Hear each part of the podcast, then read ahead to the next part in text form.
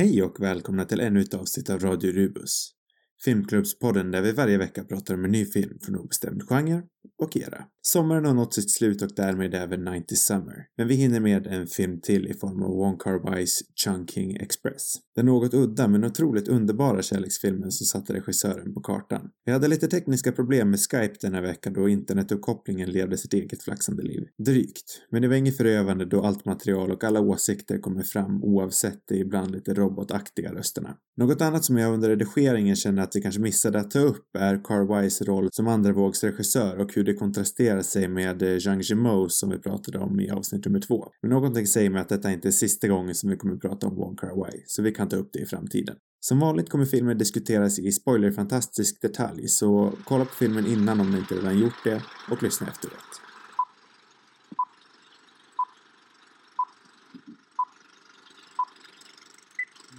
sånt där. Ja, då, då börjar vi spela in nu. Mm. Det jag sa här innan inspelningen var att jag ser att även du har lyssnat på Dreams of the Cranberries. Mm. Vilken otrolig låt. Ja, det är en fantastisk låt. Jag har även lyssnat på Things in Life av, eh, vad hette han, Barry Brown, eller vad hette han? Dennis Brown. Är det Dennis Brown? Mm. Ja. Det, Step it up, man. även det var en bra låt. Mm. Och såklart, låt oss inte glömma Mammas and Så. the Pappas. Mamma och pappas. Mamma och pappa. California.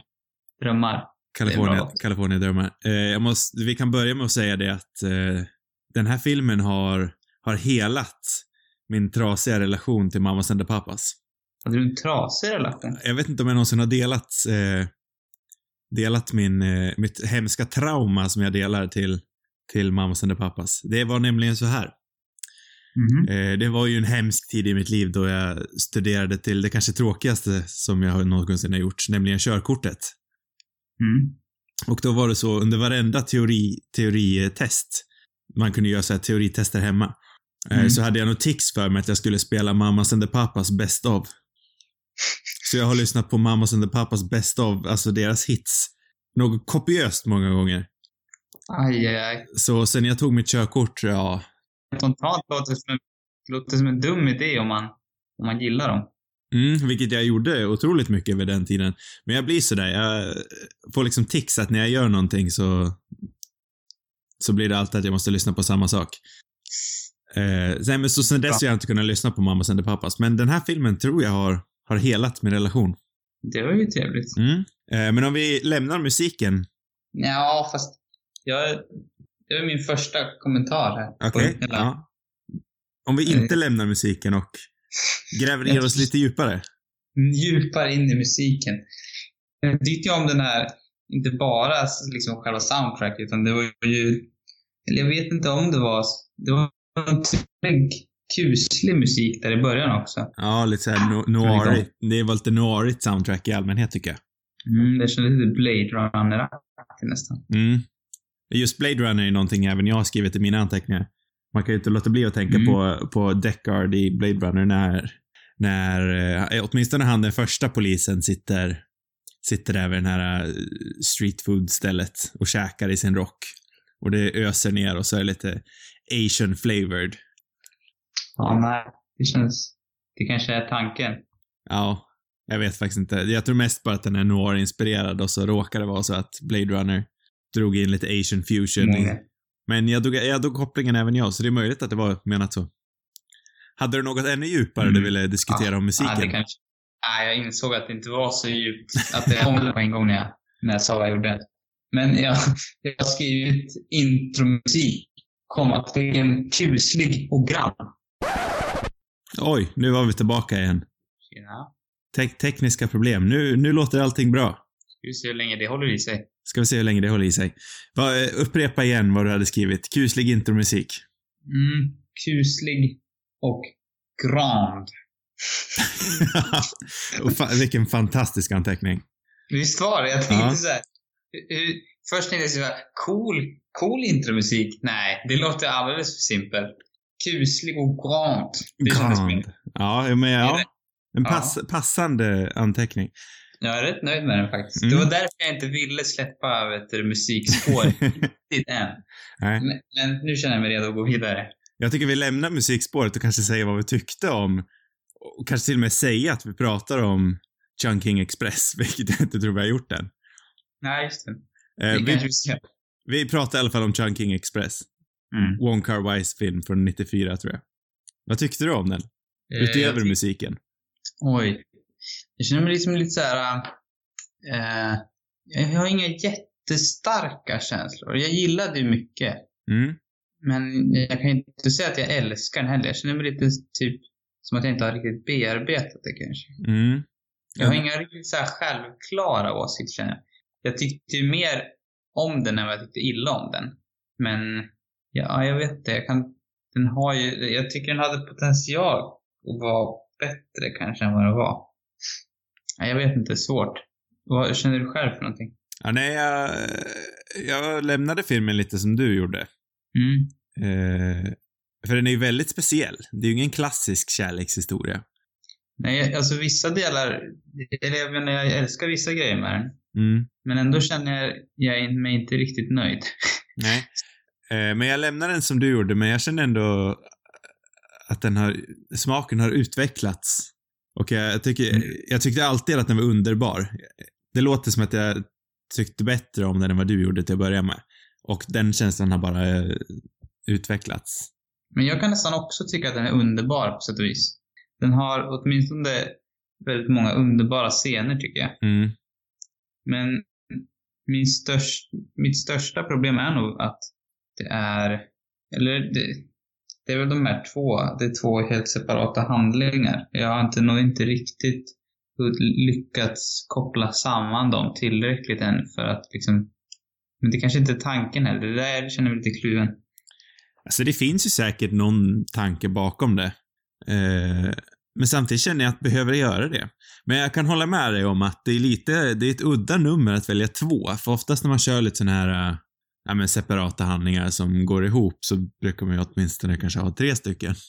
Mm. Två känns som ett otroligt udda nummer men samtidigt så tillhör det nästan charmen på något vis. Att man inte förstår vad, vad meningen med det var.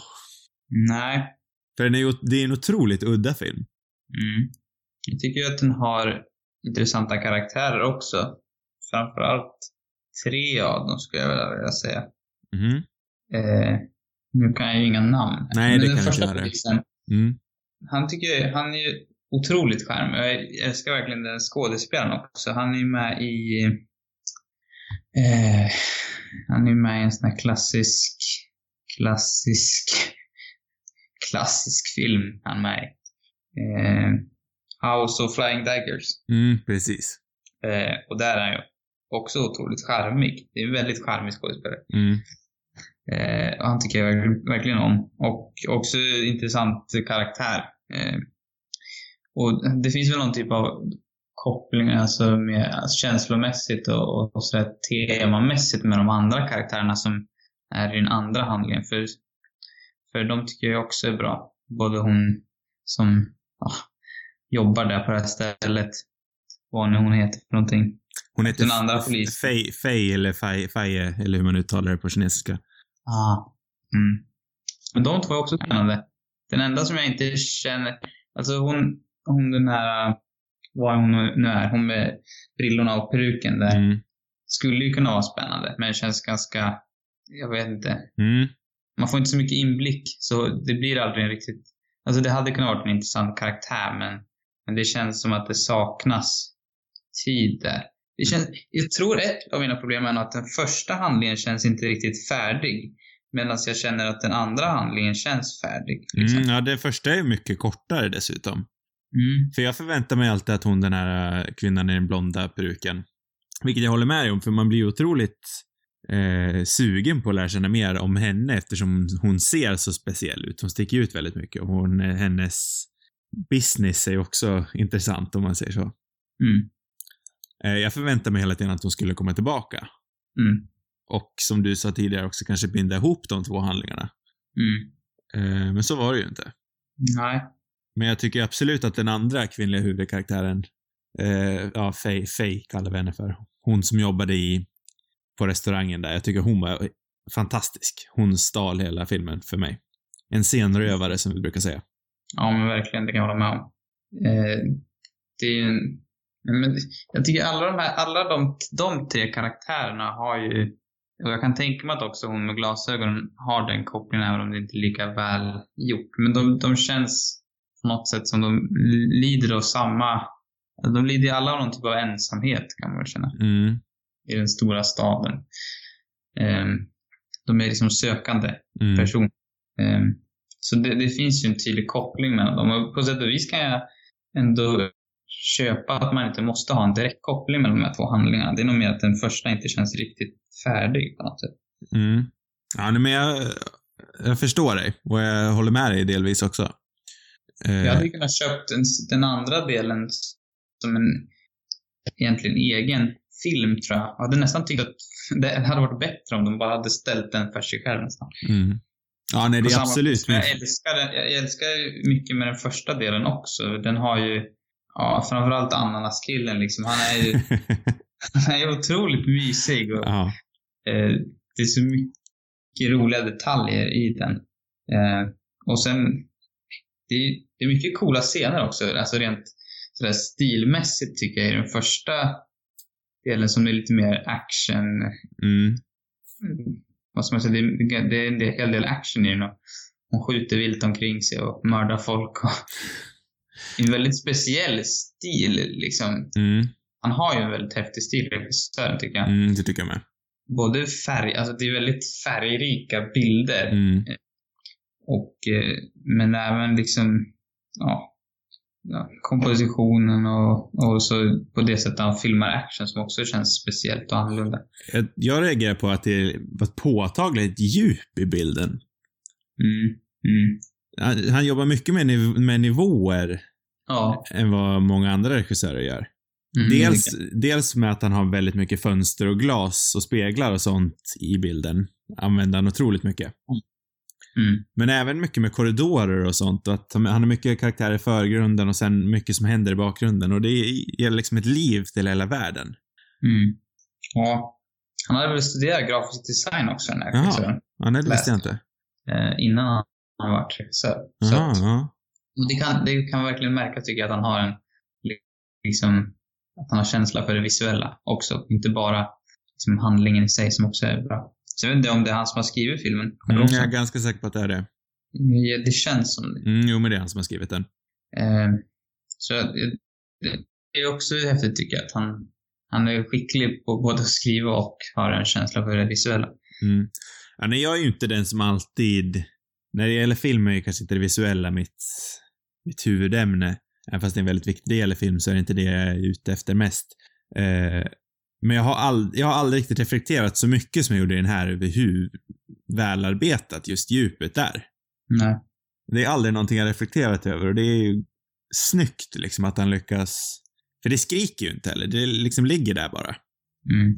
Även fast det är till viss del en ganska skri skrikig film ibland så är det inte för mycket. Nej.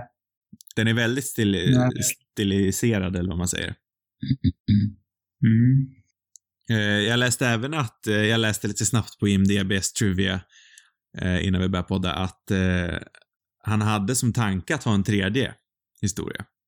Ja, jag läste också det. Men att han kände att filmen var komplett med bara två. Mm. Och jag känner väl kanske till viss del också att det räcker. Det hade varit intressant att se en till.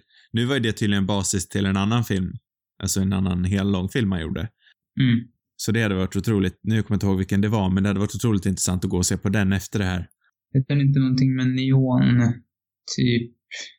Det är någonting med neon det heter på svenska i alla fall tror jag. Mm. I neon heter det. Vad sa du för något? Eh, helgon i neon. Helgon i neon. Ja, nej, den har jag inte ens hört talas om innan faktiskt. Eh, hade du sett någonting av Wong Kar Wai innan? Nej, Nej, inte jag heller. har du gjort det? Nej. Men jag är fantastiskt sugen på att göra det nu. För jag tyckte den här var underbar, som sagt. Mm, alltså, ja, jag tycker också, jag tycker också verkligen om mycket med den. Det är nog bara helt... Jag, vet, jag känner att det, jag måste på något sätt bearbeta den mer också. Mm. jag. Eh, jag fick in, jag, nej men jag hade, det var nog att jag kände ingen riktigt sådär stark känsla vad jag tyckte direkt efter. Det var, men jag gillade ju verkligen mycket med eh, Jag tror, jag skulle tycka det var intressant att se den där i alla fall som du sa. Den, eh, till, eller det som var tänkt som den tredje akten, vad man ska säga. Mm. För i, i mitt fall, jag kanske hade på något sätt eh, känt att den var mer, en mer komplett film med en tredje akt. Mm. Kan jag tänka mig. Jag vet inte. Ja, nej, det är fullt möjligt. Eh, Men- sen får jag gå tillbaka till det här med musiken som vi snackade om också, att ibland kan jag tycka att det, det har vi sagt i någon annan podd, jag kommer inte ihåg vilket avsnitt det var, eh, men jag kan tycka det blir lite mycket när man använder eh, riktig musik, eller vad man ska säga, när man använder låtar. Mm. Eh, men jag tycker det är jättesnyggt hur han använder Mouse and the Papa som ett återgående tema i den här. Mm. Hur det liksom talar för hennes karaktär och hur det sen vänder i slutet och han spelar Mamas and the Papas i restaurangen. Vi var inte riktigt överens där tror jag. jag. Jag gillar ju verkligen när man använder sig av, av mycket musik och sällan något större problem. Alltså det beror ju på filmen också vad man sätter för typ av regler eller vad regissören sätter för regler från första början. Men jag, jag tycker verkligen om det i, i en film där det passar liksom. Mm. Ta mycket, mycket soundtrack. Det, det tycker jag om. Och i, ja men som du säger, det, det fungerar ju verkligen som en viktig eh, detalj i den här filmen också. Och en, det blir ju en symbol för, för utvecklingen eller vad man ska säga. Jag skulle vilja prata lite mer om eh, hon, karaktären Faye. Eh, Mm. hur, hur tolkar du henne? Alltså är hon en, en stalker? Eller vad, vad är grejen med henne? Mm. Svårt. Alltså det känns ju som att hon vill åt hans uppmärksamhet redan vid första mötet på något sätt liksom. Mm. Ehm, det är ju no, det är någon, det är någon stalkerkänsla över det. Det måste man väl ändå säga om man bryr sig in hos någon. Jo, men Mm. ja, jag håller med dig, men hon, man får ju ändå inte liksom psykopatvarningar av henne. Hon är ju en otroligt färg, färgstark karaktär. Nej, men precis. Det, det är liksom inget... Nej, men det känns inte... Jag vet inte hur man ska tolka det. Det känns ju väldigt oskyldigt. Mm. Nej, för det är det jag gillar. En av grejerna jag gillar allra mest med den här filmen är att karaktärerna är ju ingenting man har sett förr. Nej. De är ju väldigt säregna. Även fast Mm. de här kanske klyschiga detektiverna är, används ju kanske mest bara som, eh, nej, men som en stabil bas för att visa den galnare världen runt omkring dem. Mm. Jag älskar ju även han, eh, han som äger restaurangen, kusinen till Faye. Mm. Tycker jag, han tycker jag är helt underbar. Jag känner igen honom, men jag vet inte vart ifrån. Jag kan ha helt fel. Jag tror Mm. det är möjligt att han påminner mig lite om, eh, nu kommer jag inte ihåg vad han heter, jag ska kolla upp. Jo, eh, Wen, Wen Zhang heter han. Jag tror han Mm. påminner mig lite grann om honom, det är möjligt att det är därför. Men jag tycker han, även Mm. han är fantastisk. Mm. Inte alls en stor roll, men som sagt, färgstark och liksom får världen att poppa. Mm. Hur han liksom Mm. försöker få de här poliserna att dejta hans kusin eller hans andra anställda. Men det är ju en annan kvinna i, i den första. I den första delen, eller? Ja, jo det är det ju. Då är det väl någon annan anställd tror jag. Det var, där det var så... Där var lite så oklar på... Jag hängde inte med där riktigt. För han snackade om någon som heter May. Mm. Det är väl inte hon som jobbar där. Det är en annan May, antar jag. Mm. Det är möjligt. Det var, det var flera May, känns det som. Ja. Jag visste ju ingenting alls om den här filmen innan. Det som fick, jag kommer ihåg, jag kom till jag- förra veckan kommer jag inte ihåg vad det var som fick mig att vilja se den, men jag kommer ihåg nu. Eh, det finns ju en YouTube-kanal som heter Cinefix, som jag tycker är jättebra. De brukar göra så här klyschiga topp 10-listor, fast de gör det på ett väldigt filmvetenskapligt och mycket djupare sätt än vad de flesta andra, typ Watch eh, Mojo-aktiga kanalerna. Eh, Mm. Men Cinefix är jättebra. Och då så snackar de någon gång om musik i film. Eh, och då pratar de om det här med Mamas and the Papas i eh, Chunking Express. Och då visade de lite klipp och då kände jag på en gång att jag ville se den. Mm. Eh, men utöver att Mamas and the Papas spelades i den så visste jag ingenting alls om Chunking Express. Eh, och jag var ju inte alls beredd på det här att det var två, två separata handlingar. Så från, så från början där, när de gick in i varandra, så nu är inte visste han att han var 0,01 centimeter ifrån att bli kär ett dygn senare, eller vad det var de sa. Mm. Eh, man blir ju lite borttappad där, när man inte vet vad som händer. Nu följer vi helt Mm. plötsligt nya karaktärer och har släppt de där andra. Ja, verkligen. Och särskilt när den första handlingen slutar väl ganska spännande med att hon dödar sitt ex, antar jag att han var. Mm. Den här amerikanska snubben. Ja, jag tror det. Jag tolkar det Det- som att det är en flashback. Ja, man får känslan av det. Men det, men det var också stadier jag funderade... Jo, men det måste ju vara samma. Det måste ju vara... Det var bara det, hon med peruken gjorde mig rö, Alltså det vart rörigt där grann, men Jag, jag tror jag tolkade det på samma vis som du gjorde. Ja, men för sen så tolkar jag det som att det fanns två damer med peruker, eller det är jag som... Ja, men det var just det var där mitt, jag, jag fick också för mig det ett tag. Men det var för att de, de liksom cross, korsklippte mellan eh, Flashback och realtid. Ja. Eller så gjorde de inte det. Eller så var det båda realtid, jag vet inte. Men i så fall var det två stycken som hade samma peruk. Ja, ja, nej, det är någonting stilistiskt där de gör som blir lite förvirrande, säkert med flit. Eh, Mm. Jag hade faktiskt tänkt kolla om på just den delen innan vi började podda, men jag hann inte med det. Eh, men jag gillar liksom ändå, för även fast hon inte har någon vidare karaktär, hon damen i peruken, så gillar jag ändå de scener hon har. Jag tycker det är otroligt fascinerande där när man, där de visar henne, var det Indien hon var? Där hon... Nej, syn- jag tror inte att hon är i Indien. Jag tror hon bara är i ett, i ett område. I staden, typ. Okej. Eller nej, jag, alltså, jag, jag ska inte säga någonting. Jag är inte säker. Men jag tyckte jag läste någonting om det där. Ja, ja, det är fullt Eller möjligt. ja, flyger förstås någon flygplan. Ja, det var det jag tänkte jag med. Ja, ja, hon är någon annanstans i alla fall, där de ser in knark i kläder. Eh, Mm. Bara det liksom, även fast det inte leder någonstans så är det ändå en snyggt filmad och intressant sekvens. Mm. Ja, det är det Men sen tror jag att mycket är för att hon, det är så intressant val att ge henne så speciellt utseende. Så Mm. helt vitsminkad och det där utstickande blonda håret och solglasögonen. Hon ser ju lite geisha-aktig ut nästan. Mm. Eh, så jag tror mycket bara hennes utseende gör hennes, hennes del av handlingen mer intressant än vad det egentligen är. Ja, möjligtvis. Men det känns, det finns en ganska spännande historia där bakom henne. Men den får man ju aldrig riktigt ta del av. Nej, men det Man känner sig lite grann som, som honom. Ananaskillen. Man har ungefär lika, fast man har egentligen mer inblick i hennes liv än vad han har. Men det kanske är en tanke med det. Att man inte ska, eller ja, det är uppenbarligen en tanke att man inte ska ha någon, liksom veta exakt allt. Utan, ja, nej, man, man ser ju hans perspektiv, så det är ju 100% med flit. Eh, hur tycker du att den balanserar eh, eh, linjen mellan tre olika genrer? För kollar man på IMDB så står det att det här är en, en, eh, en krimfilm, en dramafilm och en romansfilm. Hur tycker du de balanserar de tre genrerna? Jag, jag tycker att det funkar på ett väldigt bra, kon- alltså oväntat Ja, vis. jag med. När man väl har sett klart den så har man nästan glömt bort. Eller för mig är det nog aldrig riktigt en... Jag tror inte jag ser det som en crimefilm egentligen så mycket. Jag, ser, alltså, jag, jag förstår att de, det, de aspekterna av filmen finns där men, men det, det, det känns mer som ett drama liksom. För mig är ändå det framstående i även den första delen. Det är väl mer ananaskillens, Mm. liksom, hans handling.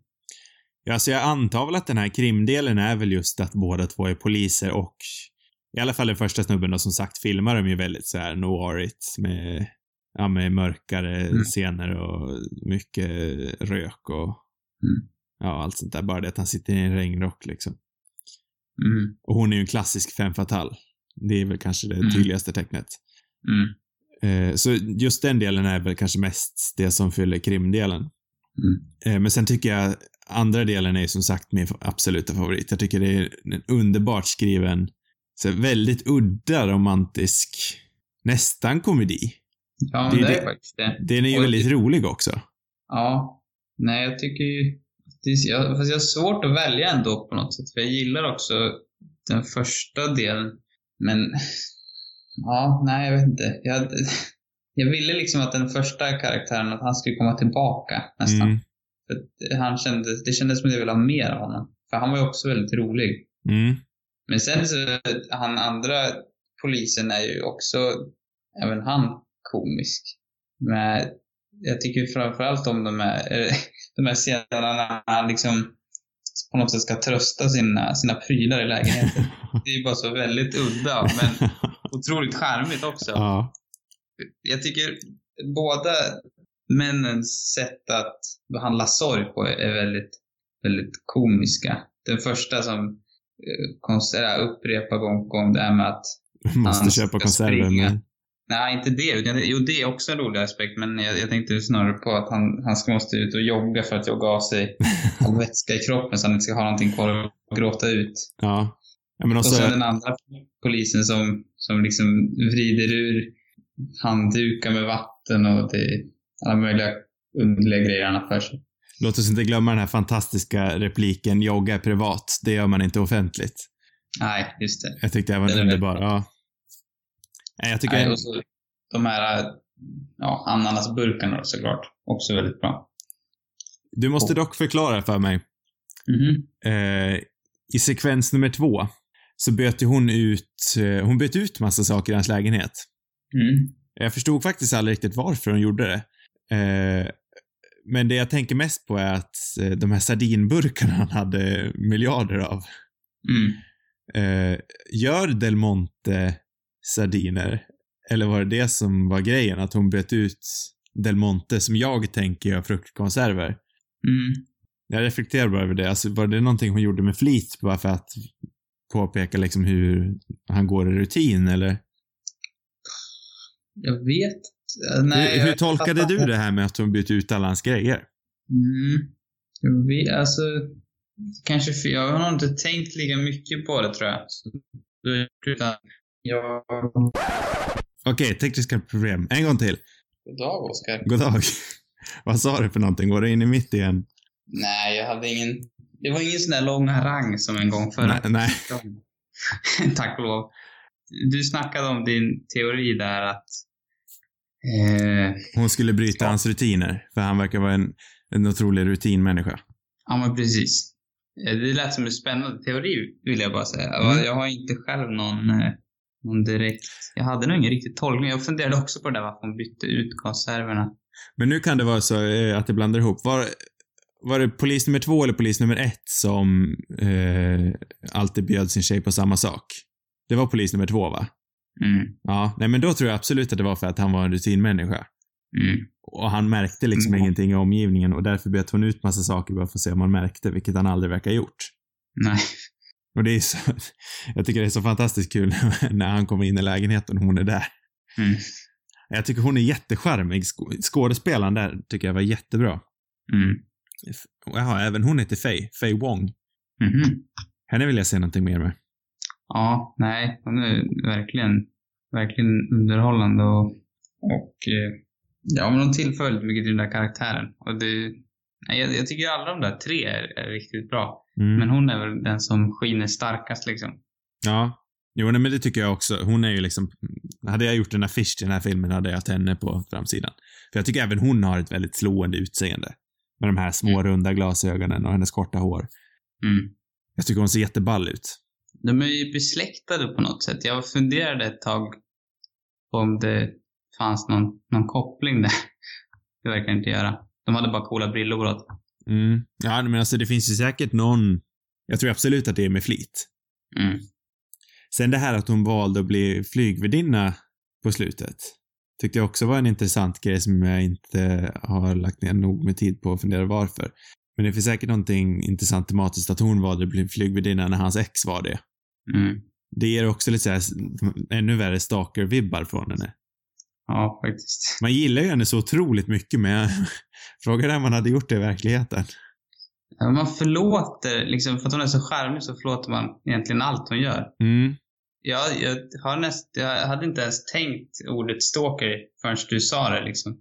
Nej, det är möjligt var- att jag har helt fel, men Jo, men det är ju, det är ju det är ju va? absolut konstigt att hon bryter sig in i hans lägenhet och ändrar ut alla hans grejer. Ja, det... Men, men jag liksom...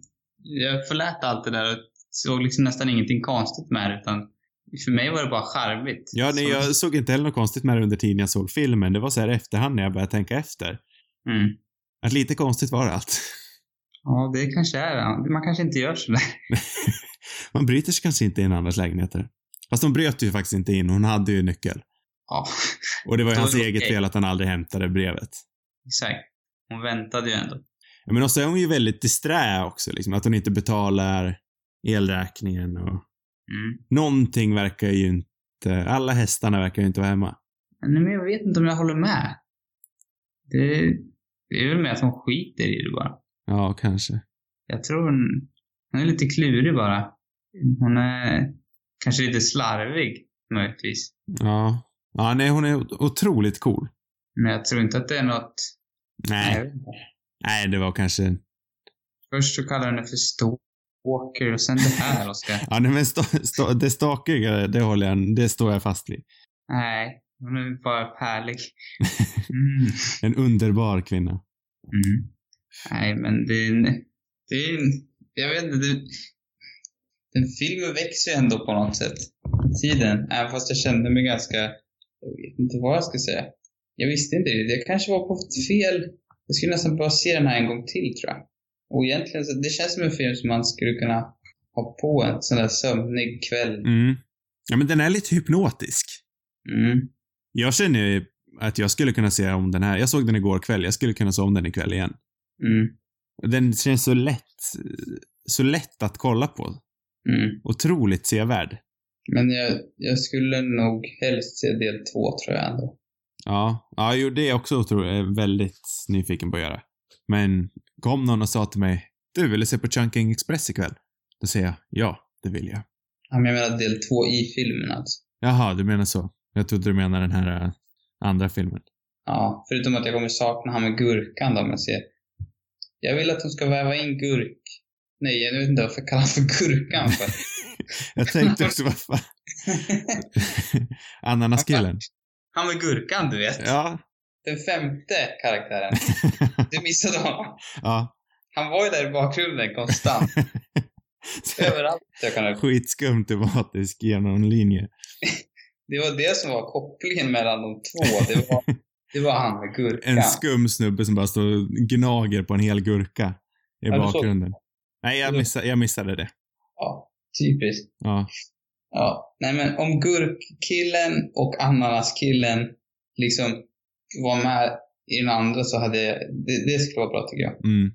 Men jag känner inte något jättestarkt behov att se, vet du den här, eh, Första delen. Jo jag ju se med ananasen men Jaha. jag tyckte inte att, nej jag vet inte. Nej, men det, du har ju en poäng där, för när jag, jag är ganska säker på att när jag kommer tänka på Chunking Express i framtiden så är det automatiskt den andra delen jag kommer tänka på, inte den första. Nej, för den är mycket starkare tycker jag. Mm. Och, och det är framförallt för att jag tycker de två karaktärerna, är- alltså de fungerar väldigt bra tillsammans. Mm, liksom. men det är så en underbart udda kärlekshistoria som funkar 100%. Mm. Och i, i den andra, den första delen är, de hinner liksom aldrig få någon riktig koppling tycker jag. Eller det är möjligtvis att de kanske delar någon typ av ensamhet eller Mm. Jag att de tror... lämnar sitt förflutna bakom sig på något sätt. Men, men man hinner aldrig liksom komma fram. Ja, men jag tror verkligen att du prickar spiken på huvudet där, för de träffas väl aldrig ens något ordentligt utöver baren och hotellrummet. Och hotellrummet, då sover hon hela tiden. Mm. Det är liksom den här korta scenen på baren, så jag tror absolut att du har någonting där med hur den speglar deras ensamhet.